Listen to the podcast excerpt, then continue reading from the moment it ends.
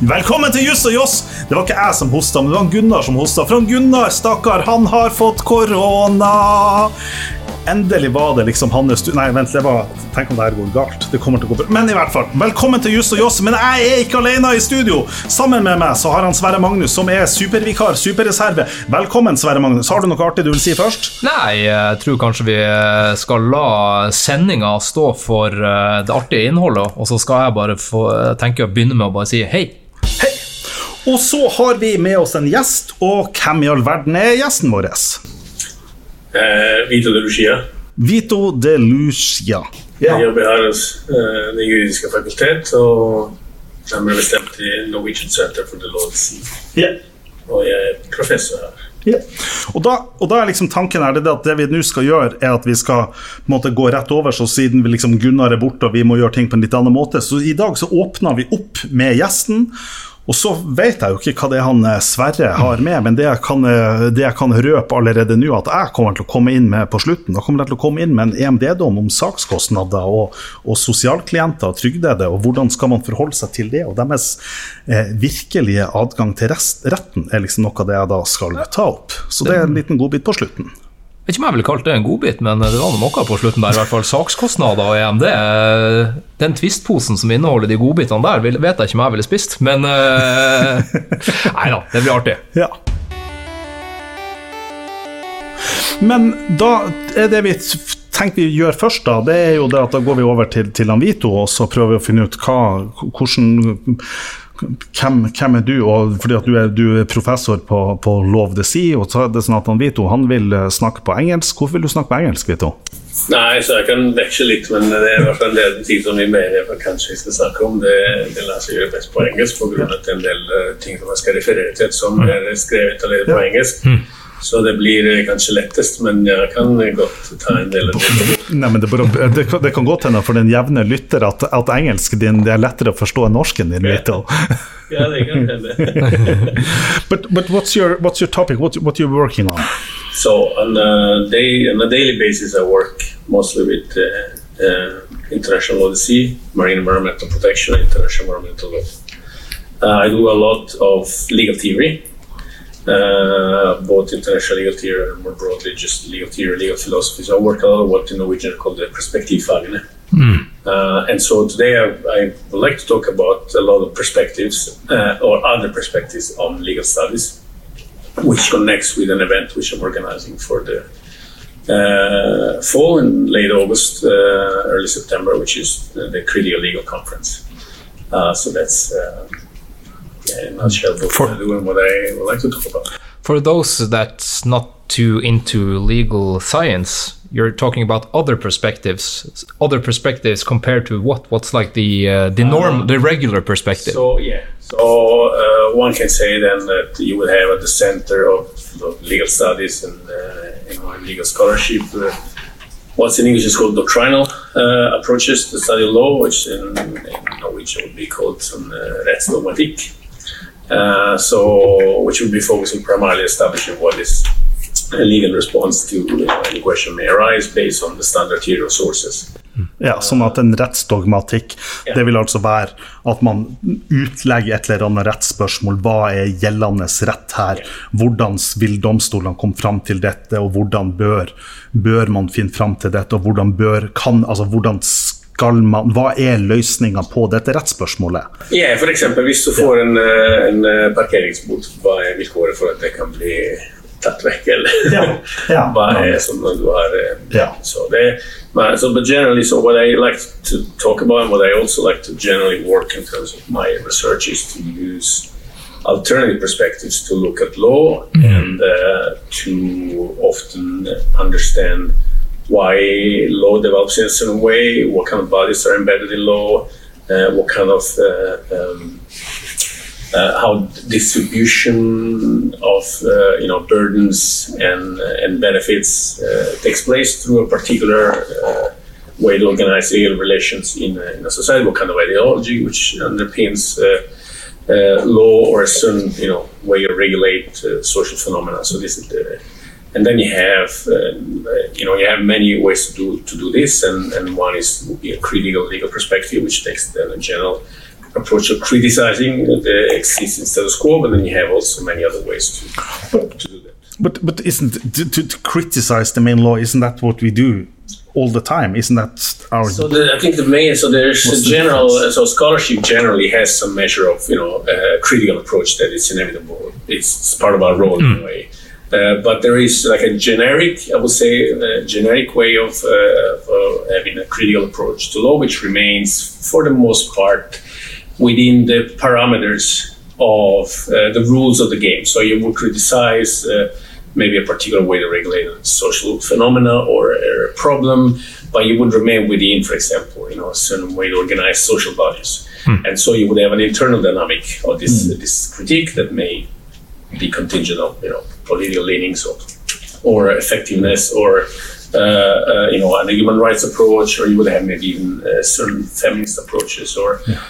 but then you have what one can call a more radical way to criticize, and then they need more broadly cultural uh, set of uh, critiques that bring them on board and use a lot of, for example, of foreign disciplines. So there's a lot of interdisciplinarity, uh, mm. and there's a, a, maybe a quite a bit stronger political motivation behind it and uh, there is a general um, a, a, a, more focused uh, a goal of unsettling the given parameters. Yeah. So, so if we if we are to, for instance, dumb this down, we could say that if you're doing legal, dogmatic, and being critical, you're you're basically criticizing the rules within the football game, but you are criticizing the football game as such. Yeah and saying that football is a boring game. Let's try to play something other. Yeah, yeah. So I wouldn't say boring, but yeah. So you would you would try to be explore a little bit the frame of reference. Yeah. Uh, so that would be instead of saying the offside rule should be tweaked a little bit. Yeah. So the game itself is you know the yeah. Yeah, yeah, yeah, yeah. Example. Or yeah. you would you know, but then they can take any number you know of ways. But so, but uh, but but the discussion about how big the goalpost should be would that be legal dogmatics or would that be critical legal theory? I think there is no way to really delineate neatly uh, between the two. So there is like a big gray area in which you mm. gradient, in which you move from you know, internal to external critique in a sense. And then there is, you know, you find yourself often in this that is in between, and, and yeah. I think uh, often important to understand that to which to which extent you manage to make a connection between the two kind of views and the two type of criticism. Remain either too much within the frame of reference or too much outside of it, and you can't establish a communication. So, but there is this gray area which is yeah. not so easy to define. You know, where are you? And I never think about whether I do doctrine or not. I just take this broad approach, and then in some cases you need to look at the doctrinal, you know, mm. problems as a starting point, maybe, and then you can analyze them. Uh, so the key is that the type of question changed. So the question is never uh, for critical legal theory is never uh, what is the you know current law regulating this problem, but is you know why do we have this current law? What are the implications of this law? What are the historical genesis of this law? Mm. What are the values that have been established? What are the political conflicts that this this this law or this rule mm. has kind of archived? And what the you know the communities that benefit or not benefit from it. And so some of the questions may be kind of you know near, but then mostly it's really about uh, about going at the, at the foundation rather than establishing which is the you know, the current uh, the current uh, valid solution for for a, mm-hmm. a, problem. This is this, I think I think this is really interesting because it's for, for me working with law it's it's it has to do with a sense of values it has to do with why am i working on the law that i'm working upon well i think it's important with people uh, like like later on when I'm going to speak about about free rettshjelp and, and the systems about that. Okay, why why do I pick this? Well, because I think it's important that that people that don't have money also should have access to justice, mm. and then and then in our legal system access to court is a part of the access to, to justice and then there's this connection between money and access to court and how, how do we work with this but then then my question is always how can i work this within the frame of the legal system mm. how can how, how what are uh, within the frame of the system. That's that's what I think uh, is important as a legal scholar, because I, I try to, in my best, I try to not uh, make my own uh, political opinions be a part of it, and I find that really hard to find that that mm. that limit. What is sometimes I can criticize the law and I say the law should be better, and that's because of this and this and this. And all these reasons I give for criticizing the law, they are, in my opinion, within the system. And then sometimes I can give reasons that are outside the system or reasons that we could disagree upon upon political opinions or or when it's a question about weight should we choose this good thing or this good thing? We can't choose both. Then it's also political system. But but you're not talking about the limit to the political. No so this is an important question that's you know it goes a bit to the origin of this kind of critical legal movement which uh, And the first, there was a first wave in the US under the label criminal legal studies, and and then in in the 80s, uh, after that kind of uh, dissipated, uh, re re-emerged in the UK. There's always been, to a significant extent, a left-leaning political under, underpinning. Mm.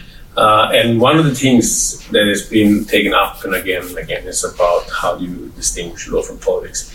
But one of the central tenets of the, especially the first wave, but still today, is that uh, you can't really make this neat delineation between law and politics. You can't leave political conflict outside of the law and keep law is a neutral space. Yeah. And they, they, had, they had this slogan, all law is politics. So fundamentally, at the end of the day, law is a way to archive political conflict. So the politics that you find in law is not really uh, uh, on the surface, but it's always in a way at bottom. And that's one of the things that critical legal scholars want to kind of unpack unveil and make mm. visible that you don't have law as a neutral space and then politics where you can have conflict and navigate. You have this kind of uh, uh, they're at the hip in a way, and so. But of course, you also, as a legal scholar, always have to be a little bit attentive to your own positionality in terms of the politics, and also, you know, whether you're making a scholarly argument or way. But clearly, legal scholar tendentially are not afraid to show their politics in the mm. sense that mm. they make also methodological approach to their study. But um, yeah, this when you when you're talking about destabilizing the established regime within law, I immediately start to think about postmodernism, and when you speak, I also think that this has to be some in some way connected to the postmodern movement that you should shake the foundation of and start to question every established truth that we've had within sciences.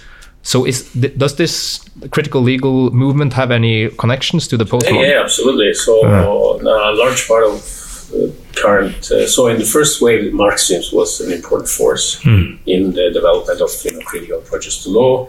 Uh, but in the in the British uh, Brit crit, in the, the re-emergence in the UK in the 80s, then the continental philosophy was an important uh, part of uh, of thinking critically about law, and then postmodernism you know, was an important also element. So you will find a lot of French philosophers, for example, give inspiration uh, to, mm. to legal thinking, and uh, um, so there's definitely that idea of uh, unsettling modernity with all this, you know, you know, universal truth and universal, you know, values, mm. and instead kind of poke holes at all these certainties, and and then re- try to reconstruct from there a more plural view of, of law and legal studies and mm. legal education, so it then has many potential cascading effects. Men, men la, meg, la, meg, gi et, gi et eksempel. Du, du, vi nevnte parkeringsbot her. Eh, fordi at, fordi at jeg, jeg, har jo, som, den, som lytterne har fått med seg, sånn, så har jeg jo eh, hatt en og annen uenighet med diverse parkeringsselskaper og sånn her. Um, og, det, og, det, kan jeg jo avsløre at det har Vito også. Sånn at vi, vi, vi har Det har jeg òg, faktisk. Det har vi, også, så, så vi har liksom møttes over det her. Og, og det er sånn at her på, på, arbeidsplassen her på universitetet så er det sånn at da må man hver dag når man kommer parkerer bilen, så må man liksom starte opp appen. Og hvis du da glemmer å starte opp appen, så får du ei parkeringsbot. Det systemet her. Og nå har jeg da funnet tak i en student med ADHD som da eh, har fått parkeringsbøter. Og så er det sånn at en del av den ADHD-diagnosen er at man er lettere, altså man har dårligere korttidshukommelse, man blir lettere forstyrra. Sånn at de, de elementene som gjør at man glemmer å starte opp appen, for den med ADHD vil dette ramme den hardere enn den uten ADHD. Dermed er det jo sånn at den som har ADHD pga. denne appen, appen, den blir jo, da, eh, blir jo da systematisk utsatt for en dårligere behandling pga. sin funksjonsnedsettelse. Og da er vi på et spørsmål om diskrimineringsrett. Og så Det jeg da holder på og ser på litt med venstrehånda, det er å prøve å hjelpe den her med å skrive en klage, eller hjelp, eller skrive med, med på, påholden penn en klage for den her um, om dette spørsmålet. Og, så, og det er klart, og da er jo Mitt argument er at her har du på en måte et en avtalebasert system som er basert på de instruksene som er gitt fra universitetet til hvordan parkeringsselskapet skal regulere det. Og så har du et overordna regelverk med likestillings- og diskrimineringsretten som dels er festa i norsk lov, men som dels har et menneskerettslig grunnlag. Og så er det jo sånn at I dette systemet så er det sånn at hvis, hvis det aksepteres dette argumentet med at denne personen får en dårligere behandling pga. Sin, på grunn av sin diagnose, så er det sånn at da snus jo bevisbyrden, og da må parkeringsselskapet argumentere og forsvare at dette kan rettferdiggjøres pga. sånn og sånn, at man ikke har gjort de nødvendige tilpasningene. Ikke sant?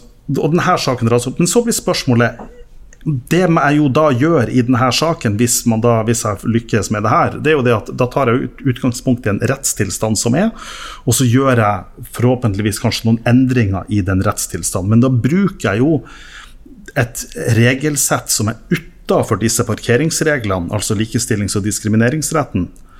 Men samtidig så er jo likestillings- og diskrimineringsretten innafor vårt rettssystem. Ja.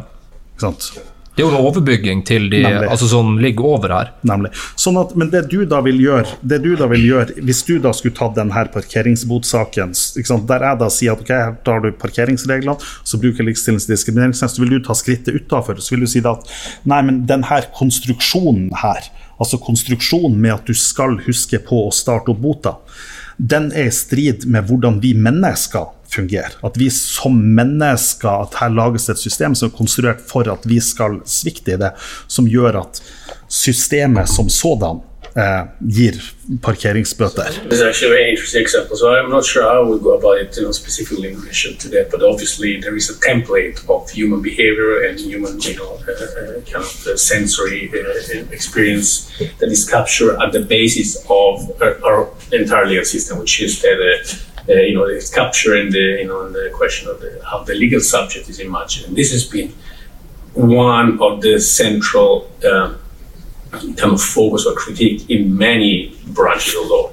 Uh, uh, in terms of how critical legal scholars have worked. And then you have this, you know, traditionally modern law, liberal law is based on the idea of the independent, autonomous subject that is able to navigate its surroundings, to express its will, and enter into contract and to, you know, acquire resources, uh, resources uh, through uh, uh, property. And then this template is utilized across all fields of law. And then you would have to uh, to the extent possible, utilize correctives to include increasingly uh, uh, other, you know, humans or way of being humans that are not fitting with the template, and then you would have, you know, the, uh, uh, disabilities, or, or, for example, you would have you would have you had historically the increasing inclusion of women and and mm-hmm. uh, other uh, humanities outside of the you know white European uh, like basis that, that, that function as the as the template in terms you know for anything to political rights to human rights you know so there's been an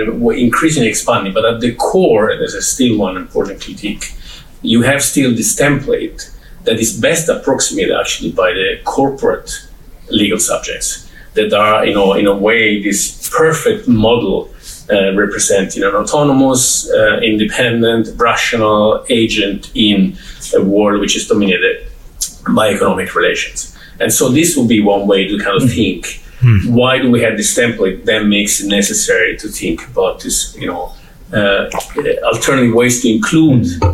any other, you know, way of being human that doesn't fit the template, and then you have to use, you know, discriminate.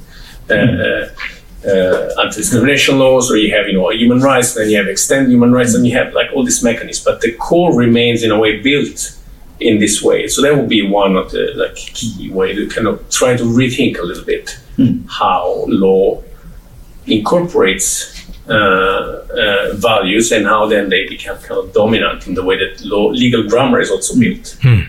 Um, Men jeg har, jeg har starta opp ei stoppeklokke i dag. Og den stoppeklokka den forteller meg Vito, at vi er egentlig på overtid på den tida vi hadde tenkt å bruke på det. Så tenker jeg, hva er, det vi, hva er det vi ikke har fått vært innom her? Hva er det som er på en måte viktig å få med, som gjenstår i Yeah.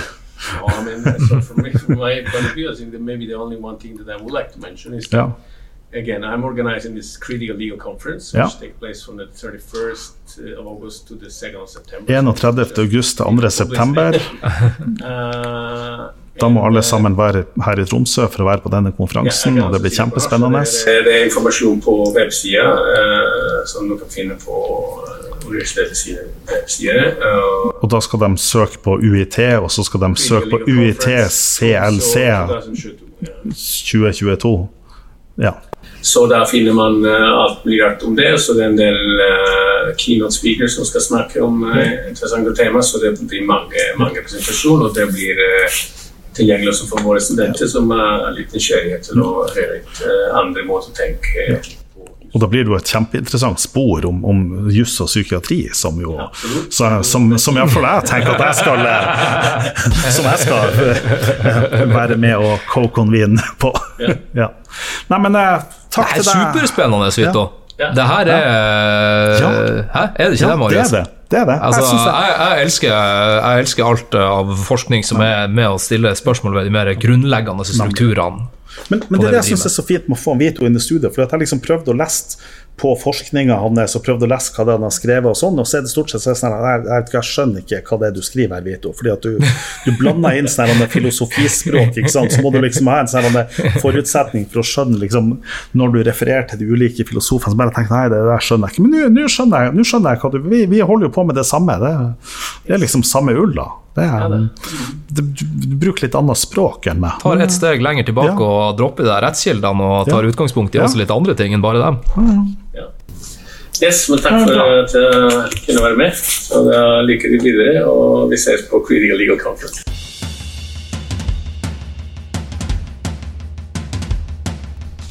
Og der har han Vito gått ut av studio, og tilbake så sitter bare jeg og han Sverre Magnus Alvesen. Yes. Og um, nå er det jo sånn at i Juss og Joss så er det jo det vi alltid gjør. Da kommer jo alltid inn med en dom hver. Og hva er liksom Marius' dom, og hva er Gunnars dom? Og nå er vi jo på Sverre Magnus' dom. Men du spurte meg ja, men hvor, hvor går grensa, liksom? Må det være en dom? Må det være Så sa jeg det, er, her, her, det, det, det må være innafor en bred ramme av juss. Ja. Så hvor, hvor er det vi har landa hen? Nei, så Det vi har landa på, er faktisk ikke engang at vi er i en bred ramme av juss, men jeg føler at vi er i en bred ramme av samfunnsdebatt, egentlig. Ja. Og det jeg tenker å ta opp, er mer et tema mer enn en spesifikk dom eller sak. Ja. Og det er det her om Så det er litt sånn kritisk critical legal theory eh, ikke tradisjon. ikke, ikke sant, så tenker jeg at vi, vi må tenke utafor den sånn rent eh, rettslige boksen her. Og ja. da har jeg tenkt å ta opp et tema som jeg egentlig sjøl har eh, engasjert meg litt for, og det er det her med eh, ytringer i offentligheten som eh, forsker eller vitenskapsmann eller -kvinne. Ja. Og eh, spesifikt det her med tematikken om kanskje det å ytre seg som yngre forsker. ja. For det har jo eh, etter hvert nå blitt eh, en ganske eh, Hva skal man si? Det, det, har, eh, det har vært eh, i hvert fall diskutert mye i det lokale media her i Tromsø. I Nordnorsk debatt, og hvor, hvor Nordlys bl.a. har etterspurt det her at mm. yngre forskere fra UiT eh, bør ytre seg mer og delta mer i samfunnsdebatten. Og eh, nasjonalt sett så er det jo det også en tematikk, det her med hvordan kan vitenskapen nå ut til allmennheten. Ja. Og kanskje særlig vil jeg si at denne tematikken er veldig aktuell i en tid hvor eh, det oftere og oftere stilles spørsmål ved eh, gyldigheten av vitenskap, og hvor man ikke lenger på en måte snakker om den vitenskapelige sannhet, eller hva som er sant, men mer bare min sannhet. Min sannhet og din sannhet. Ja, Ikke sant? Nemlig. Og det her med deepfake og, øh, ja, og ja. fake news og alt det her. nemlig. Og det er interessant. Det, det er jo kjempeinteressant problemstilling. Fordi at, fordi at Det ene er jo at liksom, Hvis vi går til universitets- og høyskoleloven, så sier jo den at universitetene har tre oppgaver. Ikke sant? Det er forskning, og det er undervisning, og så er det formidling. Mm. sant? Og hva er formidling? Jo, det er jo at man, det er jo at man benytter Altså at, at man ja, forteller om At man formidler det man har forska. Ja. Altså at det er på en måte et av samfunnsoppdraget at man eh, også skal formidle ja, det man forska. Det var mange ord for å si Det var- ja, det var, det var det var utrolig upresist. Men du kan jo si, bare for å ta og trekke det litt ned igjen, så kan vi jo si at det vi driver med nå, er jo en slags formidling. Ja. Vi, vi forsøker jo med den podkasten her, regner jeg med, du og Gunnar til vanlig, og nå jeg som gjest, å nå ut til lyttere Ja. som ikke nødvendigvis bare skal være en del av den juridiske kretsen, men også folk som er. Som er bare nysgjerrig på hva er juss for noe. Nemlig. Og hva er det de her uh, tullingene på universitetet sitter og styrer med. Nemlig. Um, det, men men det, jeg kan bruke podkasten som eksempel. Fordi at, for at når vi starta opp denne podkasten, så hadde vi liksom en sånn diskusjon med ledelsen. og sånn, Så tenkte vi ja, men hva, hva, hva skal vi tenke rundt denne podkasten? Og så tenker ledelsen ok, hvis vi nå sier at dette er en podkast fra Det juridiske fakultet, så vil jo det bety at da må jo Det juridiske fakultet som sådan stå inne for hvert eneste ord som blir sagt her. Det betyr Ja. at når jeg og Gunnar drar en dårlig vits, så kan du da se for deg at, at dekanen i prinsippet må svare for den vitsen. Ja. Hvor står fakultetet inne for denne vitsen? Ja. Og det fant vi ut at det var en, på en måte en uholdbar måte for både fakultetet For fakultetet kan ikke stole på de, de står bak juss og joss, at de skal bare komme med politisk korrekte vitser. Nei. Um, men også for oss, fordi at vi kan på en måte heller ikke leve med en sensur på det. Og da ble på en måte den løsninga vi da valgte på, det at ok, her er vi to forskere på Det juridiske fakultet som har denne podkasten. Vi gjør det i arbeidstida vår. Yep. Eh, Det legges ut på Det juridiske fakultet. Del den på, på Facebook-siden og på en, måte, på en måte prate om den som en del av sin portefølje. Men, men man prater om at dette er ikke Det juridiske fakultets podkast. Nemlig. Og, og, for oss så var det på en måte veldig viktig å få det Altså ta den runden. Ikke sant? Og det er jo litt ut av det du snakka om. Ja, og det du, det du kan si er at du toucher jo inne på ganske mye relevant tematikk med akkurat den casen der, da, eller med, den, med, med det tilfellet deres med, med podkasten. Fordi at det er jo flere ting som går inn i det her med å ytre seg offentlig som forsker. Det ene er jo at som forsker så har du stort sett på et universitet ganske stor såkalt autonomi, eller Ja. selvstyre. Ja. Du har lov, og det er egentlig litt av meninga med forskerrollen, så har du lov til å stille deg ganske eh, fri til eh, politiske eh, meninger og synspunkter, Ja. men også organisa organisasjonssynspunkter. Altså, Ja. Det er vanligvis sånn at du skal ikke fremsette en agenda eller en, en eller annen form for dagsplan som en organisasjon ønsker at du skal, du skal fremheve for dem. Ja. Så det betyr jo i, i realiteten at du er, står egentlig ganske fri til å f.eks. kunne ytre deg eh, på måter som kanskje ikke er helt i tråd med f.eks. strategiene til Universitetet i Tromsø, så lenge du gjør det innenfor en saklig parameter. Nemlig. Og, og her er det jo litt av det som er balansegangen, da. Når, er, når du uttaler deg som f.eks. professor eller førsteamanuensis i rettsvitenskap, eh, hvordan er det du da når du uttaler deg, så er det jo sånn at folk automatisk knytter deg jo litt til Nemlig. juridisk fakultet. Nemlig. De tenker oi, han er jo professor på juridisk fakultet, da mener også fakultetet det. Nemlig. Men det er ikke nødvendigvis riktig. Nemlig. Det er nemlig sånn at som et utgangspunkt, tenker jeg, i det offentlige ordskiftet, så uttaler forskere seg med mindre noe annet sies, som enkeltforsker, eller som flere forskere samla, hvis de skriver noe, ikke som et institutt, eller som Ja. en fakultet samla. Ja. Um, og så kommer jo den ekstra dimensjonen her med yngre forskere, fordi at eh, vi ser jo jevnt over at de som deltar i ordskiftet offentlig, det er ofte etablerte mennesker, eller etablerte forskere. Mye. Eh, I hvert fall lokalt her i Tromsø. Og så er jo spørsmålet hva er det som gjør at det er så vanskelig for forskere, særlig av de yngre, å hoppe seg ut her og bli med i ordvekslinga? Og og jeg tenker jo umiddelbart en del av grunnen til det, det handler jo om universitetene sin ansettelsespolitikk. At før du på en måte er blitt tilsatt i en førsteamanuensisstilling eller en professorstilling, eller noe sånt, altså når man er postdok eller man er stipendiat, eller man er på en eller annen forsker, så er det vanlig med disse løpende kontraktene. Ja. Og det er klart at Da er du avhengig av at du mm, på et eller annet Eller den, den opplevelse av at du må være avhengig av å holde deg inne med ledelsen. Og så vil jo vi som jurister så vil vi jo da si at nei, men her skal du jo bli ansatt basert basert på de vitenskapelige kvalifikasjonene og sånn og sånn. Men det er klart, akkurat det kan det være vanskelig å holde på hvis du på en måte har en person som da har gått til angrep på sin egen institusjon, eller mm. sånn her. Og så er det spørsmål okay, men hva er forskning, og hva er ja. hva? Er hva? Altså, det, det, du, ja, jeg, jeg, ser nok litt annerledes på den der ja. på akkurat det. fordi at jeg tror de fleste ledelses, ledelsesfigurene innenfor min erfaring personlig, og nå kan jo jeg bare snakke ut fra mitt eget ja. ståsted, det er nok at jeg tror det er en ganske stor takhøyde for at du kan ytre deg på tvers av institusjons øh, Eh, hva skal man si eh, rammer eller eh, styringsmål. Gitt at man gjør det en, på en saklig og vitenskapelig måte. Og det er klart at Hva som, er, hva som utgjør de kriteriene, det er litt ullent, så det kan vi la ligge. Uh, jeg tror at kanskje det største problemet det er nok. Jeg må bare, jeg må bare min, min, erfaring mm. med det altså, jeg, jeg, jeg, deler, jeg deler den erfaringa. For meg så er det også veldig viktig å si at altså, jeg opplever jo at Det juridiske fakultet ved UiT er, er gjennomprofesjonelt. Og, og er på en måte, jeg syns at det er superbra. Jeg syns at det er en fantastisk arbeidsplass.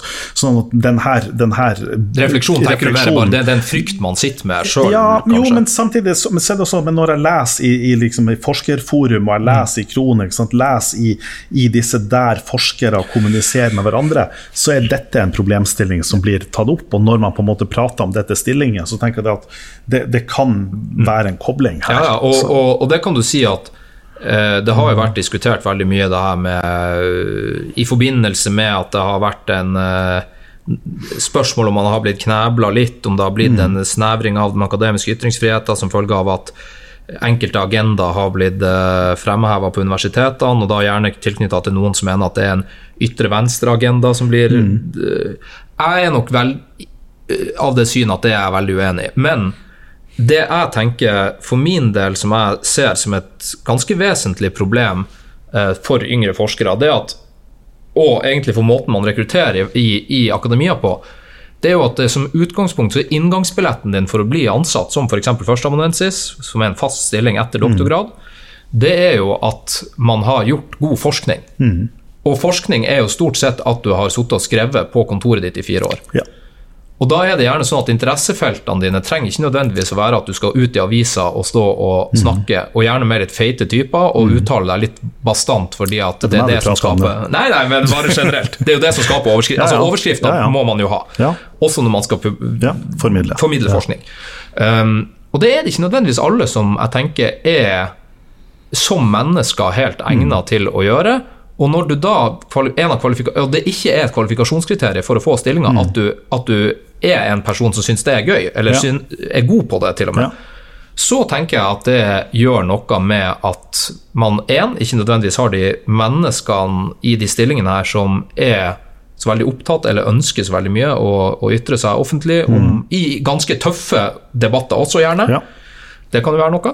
Det andre er at, og det er kanskje litt um, Det er et problem vi har internt, føler jeg, i det akademiske fellesskapet, eller innenfor universitetssektoren, det er jo at faglig sett så kan det være sånn at man opplever, i hvert fall føler jeg det, at hvis man er veldig mye ute og uttaler seg i media, mm. så må man jo gjerne, som jeg sa tidligere, ha litt bastante synspunkter. Mm. Man må kanskje uttale seg litt unyansert ja. av og til for å få den overskrifta. Ja.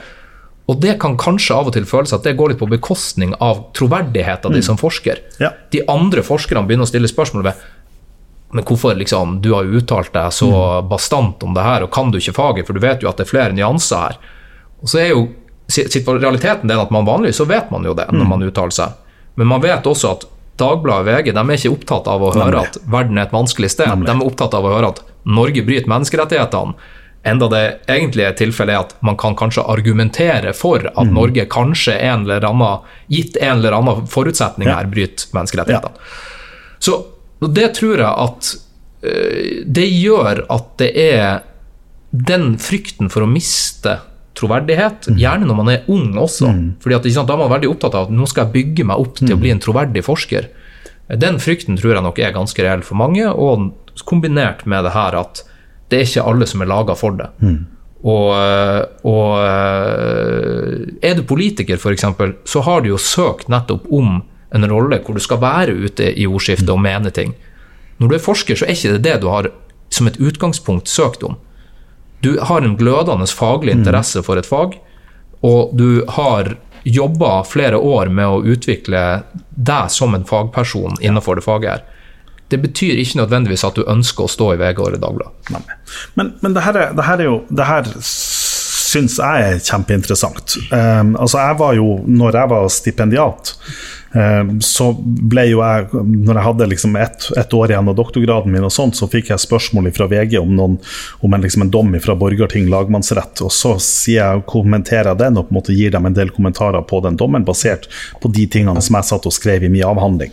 Og så sitter jeg der og så tenker jeg, men dette er jo ikke bare et, Jeg sitter jo der og vet at men dette er ikke et problem på denne institusjonen. Jeg vet jo det at dette er et systematisk problem, og jeg vet at her er det store og systematiske avvik mellom den praksisen som tilfeldigvis er kommet opp i denne dommen, og det som stort sett praksiseres på alle institusjonene.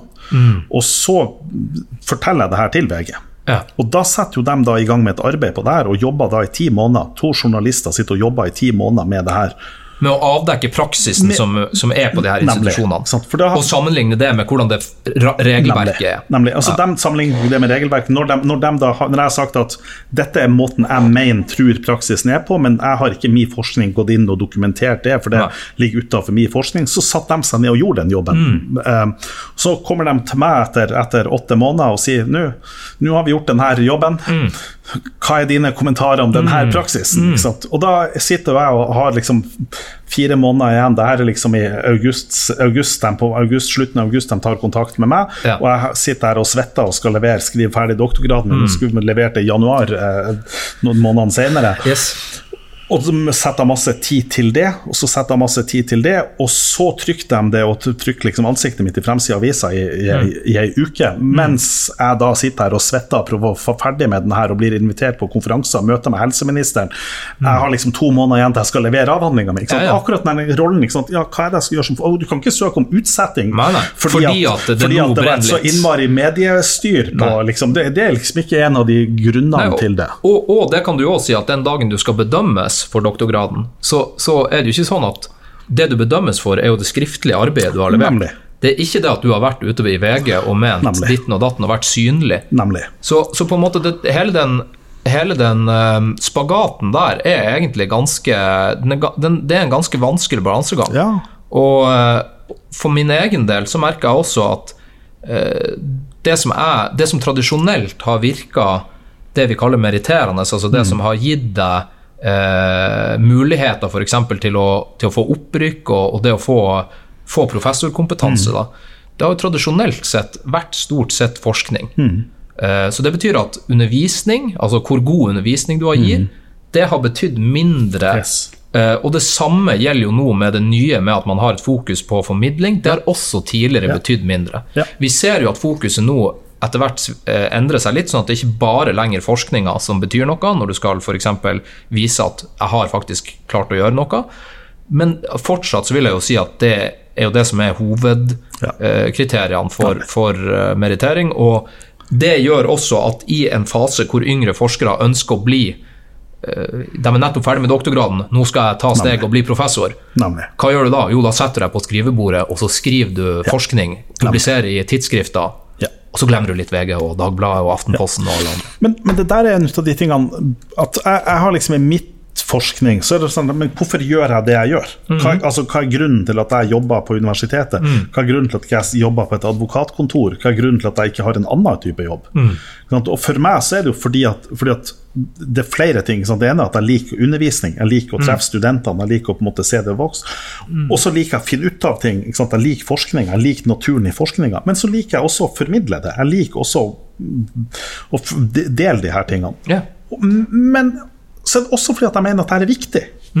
Altså, jeg har tatt det her valget fordi at jeg mener at den forskninga, de tingene som jeg undersøker, jeg mener at det er viktig, ikke bare for meg, men jeg mener at det er viktig for samfunnet. Grunnen til at jeg går inn i det her, fordi at jeg mener at det er en viktig rolle i samfunnet. Og ja, jeg har ikke et ønske om å være en politiker, jeg har ikke, ønske om å mene noe som helst i ting som jeg ikke kan noe som helst om.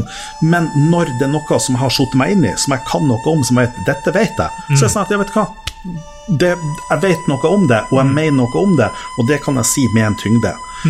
Og for meg så er det så drivende at for meg så har det vært sånn Jeg har altså valgt å da formidle og er på en måte rundt og holder foredrag. Jeg møter mennesker. Mm. Jeg snakker med avisene ganske ofte. Og det er ganske ofte at, at avisene ringer meg hvor jeg sier nei, fordi at jeg tenker at Det her har jeg ikke. Det dette litt har jeg ikke forskningsbelegg på. ikke sant?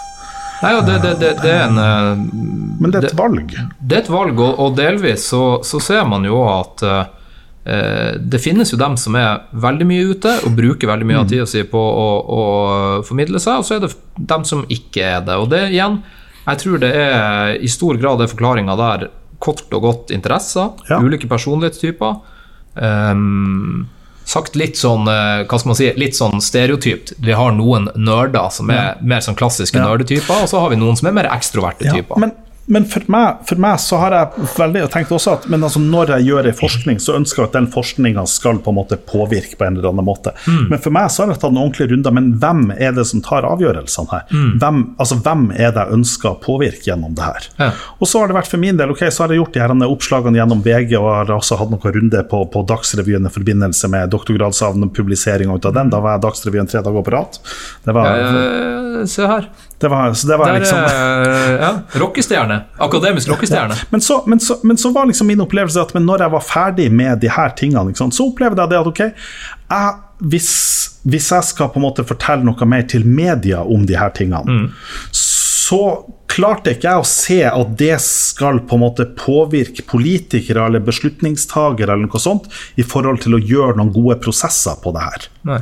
Og fordi at jeg på en måte har sett det, så har jeg sett at hvis jeg nå skal fortsette å formidle forskninga på tvang i psykiatrien, og at det skjer stadig typiske menneskerettsbrudd der, så vil det egentlig Jeg klarer ikke å se at det skal gjøre noe annet enn at pasientorganisasjonene skal synes at Marius er kjempekul, eh, og at jeg på en måte får komme i media. Men så tenker jeg at men jeg vil ikke formidle fordi at jeg skal komme i media. Jeg vil jo formidle fordi at den forskninga som jeg har gjort, at den skal bli implementert. Ah. Sånn at Hva er det jeg da har gjort de siste årene? Jo, det jeg har gjort de siste årene, det er det at jeg er på en måte på institusjoner. Jeg møter menneskene på institusjoner. Jeg drar på konferanser der legene og der sykepleierne samles.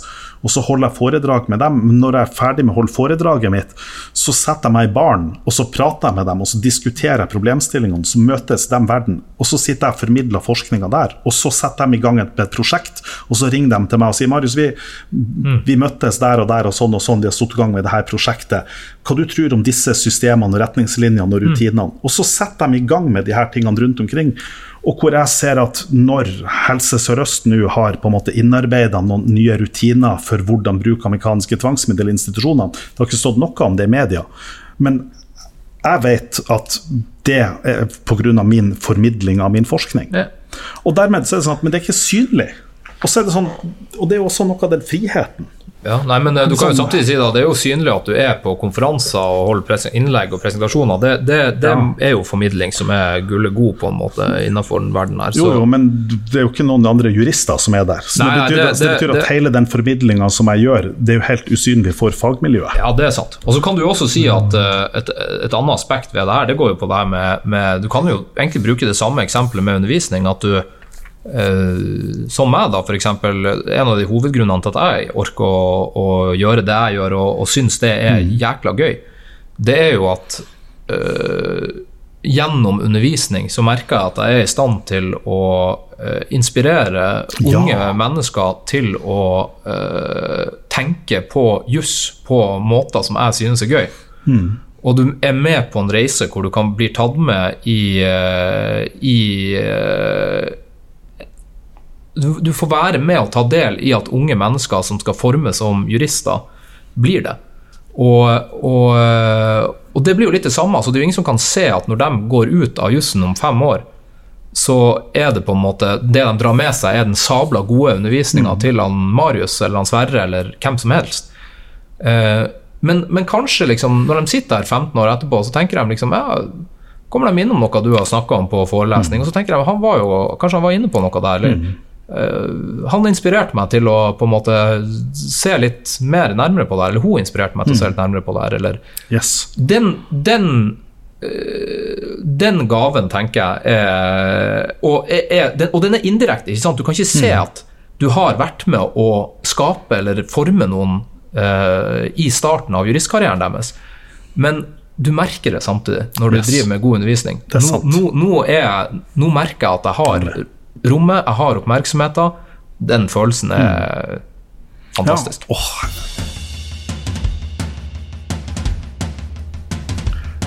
Da, Sverre Magnus, nå har vi jo snakka om kritisk rettsteori, og vi har om forskerne sin rolle, men det her heter jo juss og joss, og poenget her er jo det at vi skal komme med en dom hver gang. Eh, og du har jo kommet med din dom over yngre forskere, og, og, og Vito har kommet med sin dom over at jussen kan ikke bare være Men jeg har kommet med en ekte dom, faktisk fra Menneskerettsdomstolen. Og Det er da en avgjørelse i Dragan Kovacevic mot Kroatia fra 12. mai 2022. Kovace, Kovacevic mot Kroatia 12. mai. Bare, jeg bare oppdaga det at jeg av og til får spørre hva var egentlig referansen på den dommen dere tok opp i den, og så blir det sånn det har vi ikke alltid vært så god til. Nei, og de her navnene i EMD-dommene de kan jo være fra hvordan som helst land i, i Europa, nesten, så det kan jo være Nei. litt likt og ulikt hvordan det staves. Ja, men jeg tenker hvis man har dato og Kroatia, så, så da, det, det skal være tilstrekkelig. Det klarer det. Ja. Men, det den, men det denne saken handler om, det er altså en person eh, med, som da har en uføretrygdsytelse. Og med den uføretrygdsytelsen så er det et eller annet spørsmål som jeg ikke skal gå inn på, som man på en måte trenger å få en rettslig avklaring på. Han er på en måte uenig i et spørsmål med staten. Sånn at han tar da ut et søksmål imot staten for å få eh, for å vinne fram med sin rett. Og det her går, Spørsmålet går da opp til den kroatiske konstitusjonsdomstolen. Og den kroatiske konstitusjonsdomstolen de tar da stilling til spørsmålet, og han vinner da saken. Men så sier den kroatiske konstitusjonsdomstolen at eh, hver av partene må bære sine egne sakskostnader. Så er spørsmålet kan han si det? Og de kommer ikke noe med begrunnelse, de bare sier det. De bare sier hver av partene kommer med sine sakskostnader. Det er vanskelig å forstå. Og så havna denne saken her opp for Menneskerettsdomstolen med spørsmålet er det sånn at den beslutningen om at hver av partene må bære sine egne sakskostnader, Gir det egentlig en tilgang til domstolen? Er det i strid med dette kravet fra Den europeiske menneskerettighetskonvensjons artikkel 6, altså EMK artikkel 6, om access to court? Um, ja, så Det er liksom spørsmålet som de behandler. Og, og det er klart, og, og Jeg har på en måte tidligere på en måte leita etter på en måte hvordan er på en måte tilgangen til liksom, fri rettshjelp, hvordan skal man på en måte ha tilgang til, til, til domstolene. Men denne saken den har på en måte noen, den er slekt med fri rettshjelp, men det er ikke det. fordi at dette er på en måte et sakskostnadsspørsmål i domstolen. Men, men samtidig så er det som jeg synes er interessant, er å se på hvordan domstolen begrunner det her. For det domstolen gjør, det er at han gir han medhold. De sier det at det at, det at han må dekke sine egne sakskostnader, Det gir deg ikke access to court. nemlig.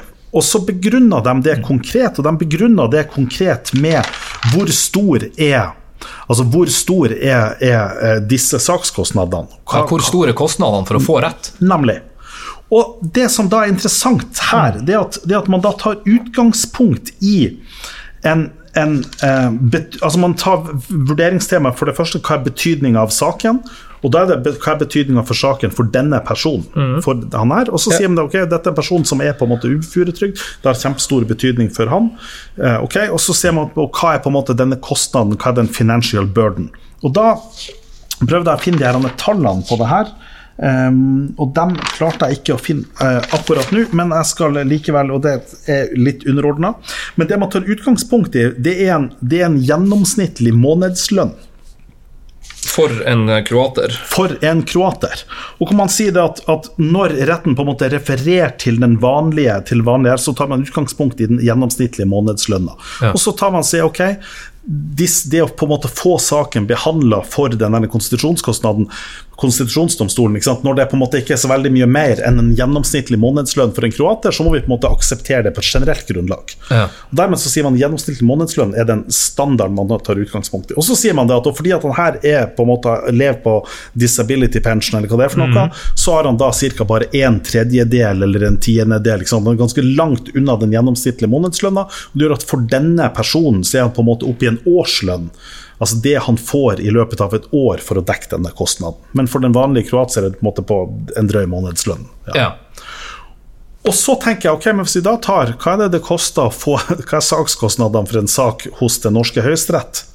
Altså, hvis vi bare skal, det her kan jeg jo si som tidligere advokat, at hvis du skal ha én dag i retten i tingretten med en eh, noenlunde ok advokat, så er kostnadene der ish litt i overkant av 100 000 per dag. Var i hvert fall. Ja. Så da kan du bare gangre opp med antall dager nesten, og så, så er du der. Nemlig. Og så er spørsmålet hva er en gjennomsnittlig månedslønn i Norge? Ikke sant? Hvis du er 100 000, men litt usikker på er det et 2022-tall, eller er vi på Ja, da, da, da er vi på det, det her var jo mellom 2013 og 2016. Jeg vil tippe at sakskostnadsgaloppen har jo gått eh, bare oppover siden den tid. ja. Så hvis vi da gjetter på 150 000 eh, Det kan det fort være, sikkert. ja, Kommer an på kompleksiteten av saken. Litt i og så videre, ja. Men, men også den gjennomsnittlige månedslønn i Norge vil jo da være hva det er man kommet opp i nå, 50 000-60 000 eller noe sånt? Månedslønn? Ja. 50 000. Oh, ja, du tenker brutto nå, ja, Ja. ikke netto? Ah, Det var noe mye, syns jeg da, Marius. ja, Var det ikke det, da?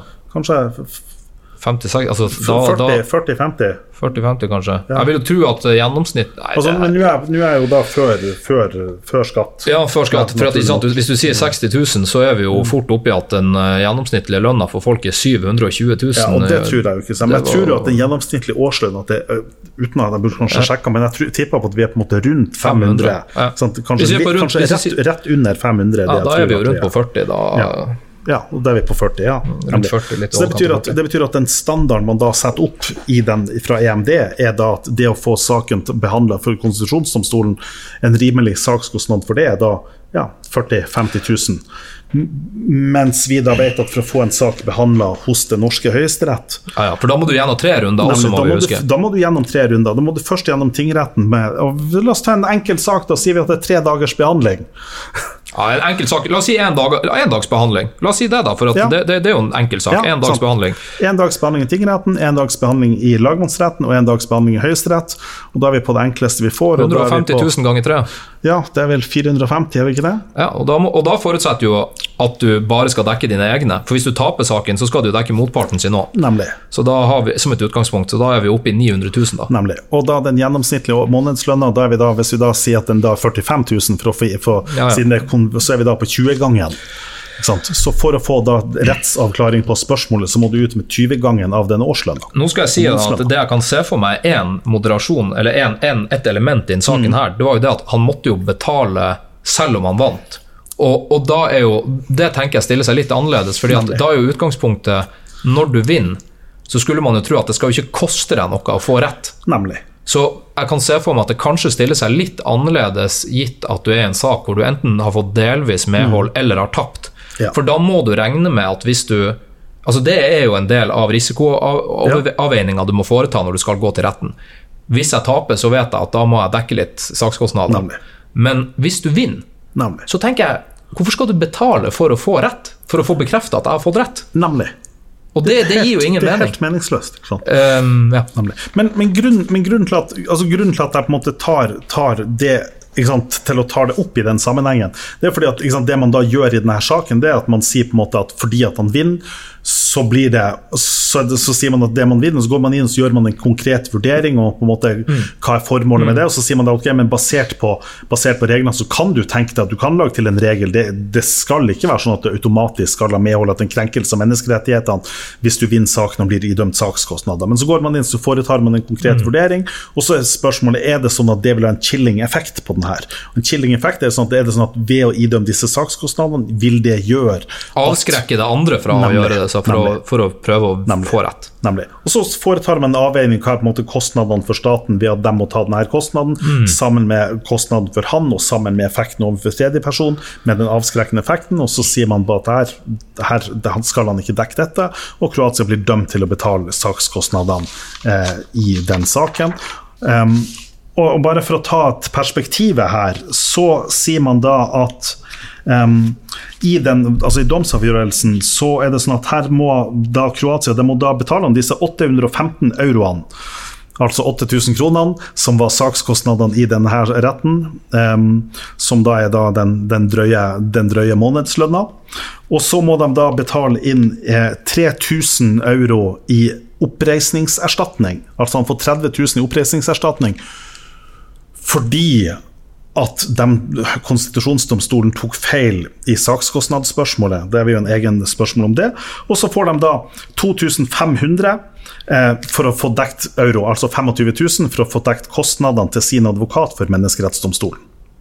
Så det, er ikke, det kan jeg jo bare si med en gang. eh, Her kan advokatstanden i Norge notere seg litt det, hvordan summer vi opererer med, for vi er altså i langt i overkant av eh, det, de summene vi opererer med her. nemlig.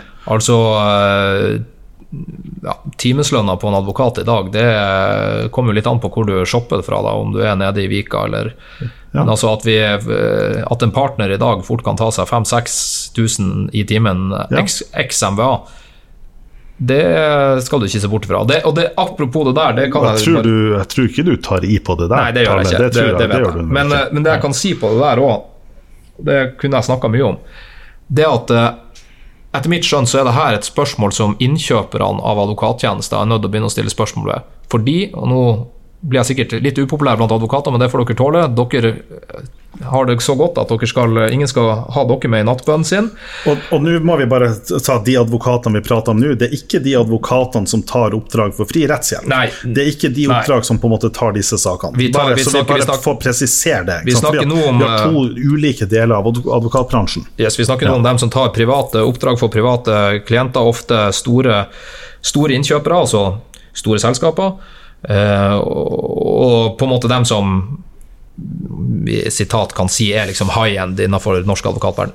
Som sagt, innkjøperne der, de har ingen Stort sett så har de ingen eh, Det er jo ingen timebegrensninger, stort sett, på de her oppdragene. Eh, Det er ingen resultatforpliktelse.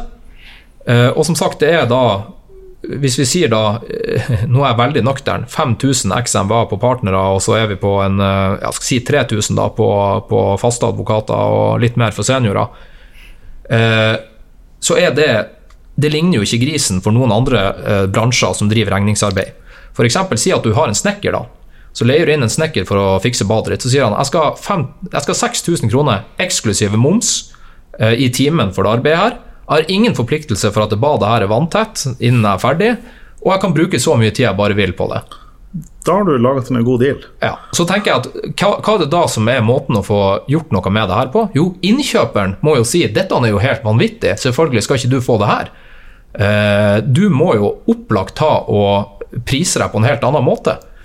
Så det er det som er min kjepphest der. Innkjøpere der ute, og da særlig store aktører, det er dere som bør, tenker jeg, ta hovedansvaret for at det prisgaloppet har skjedd innenfor advokatverden.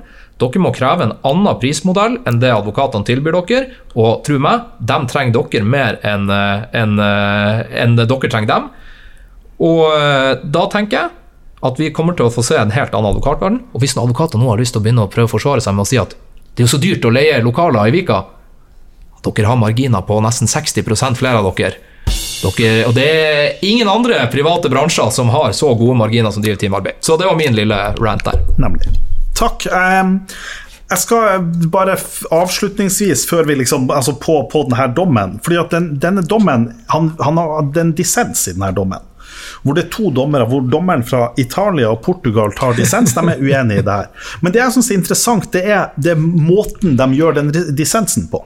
Fordi at Det de da sier, det er, at, det at domstolen må få lov til å være fri. Hvordan den avgjør sakskostnadsspørsmålet og stiller så strenge krav til, til dokumentasjon der, det er ikke så interessant. Men så går de inn på det underliggende spørsmålet. Hvordan er det med denne tilgangen til retten? Og så sier de det at det man da må gjøre her, istedenfor at man på en måte tar dette, gir en access to court og tar det på en måte sakskostnadsspørsmålet, så må man heller gå inn og se på disse rettshjelpsordningene. Og så beskriver de da på en måte noen rettshjelpsordninger som da er på en måte bra og fungerende rundt omkring i Europa, sier at man heller på en måte må gjøre det på dette. Og Dermed så er vi da over på et politisk spørsmål, og et taktisk spørsmål på hvordan er det vi skal gjøre det, hvordan skal vi gi tilgang til retten. Vi er alle sammen enige om at man ønsker tilgang til retten, vi er enige om at det er noen problemer, men så er det noen ulike løsninger. Man Ja. kan gjøre det på dette sakskostnadssporet, men så kan du også gjøre det gjennom å gi folk dekning for sakskostnader. Altså, jeg, jeg, sitter på en, jeg sitter på en sak nå eh, hvor, hvor det er en person som har blitt utsatt for, for tvang i psykisk helsevern, som etter min oppfatning, sånn som jeg leser saken, så tror jeg at dette er, er i strid med menneskerettighetene. Og jeg tror at personen har, bør få den saken prøvd, og at det er et erstatningsspørsmål her. Og det er en advokat som sier jeg tar denne saken på pro bono, jeg, jeg tror på denne saken. Eh, og hvor saken på en måte nå er klar for å ta, tas inn for domstolen. Men saken vil nå ikke havne inn for domstolen fordi at regjeringsadvokaten tar ut sakskostnader, krav om sakskostnader for hver dag i retten for det her, på ja, i underkant av 100 000 er det regjeringsadvokaten krever i disse helse- og sosialsakene. Det betyr at hvis man taper denne saken, og dette er ikke en enkel sak på på én dag. Dette er på en måte i tre dager eller fem dager. Jeg tipper på dette vil kanskje være en fem dag, ja, tredagerssak. Mm. Så er det sånn at ja, Hvis du er på tre rettsinstanser, så risikerer du da 900 000 fra bare regjeringsadvokaten for, for kostnadene på denne saken. Og dermed så er det sånn at Så lenge man da ikke får inn en garanti fra regjeringa eller fra noen som kan på en måte gi en sikkerhetsstillelse for det her, så vil saken aldri havne for retten. Og Da ser man det at de her systemene de på en måte setter en praktisk hindring. Og domstolssystemet, EMD, de har på en måte gått inn og prøvd toucha tak i noen. Men man har ikke funnet noen spor som på en måte muliggjør en lik tilgang til retten. Mm. Det er dyrt å få rett, men det er ikke rett at det skal være dyrt.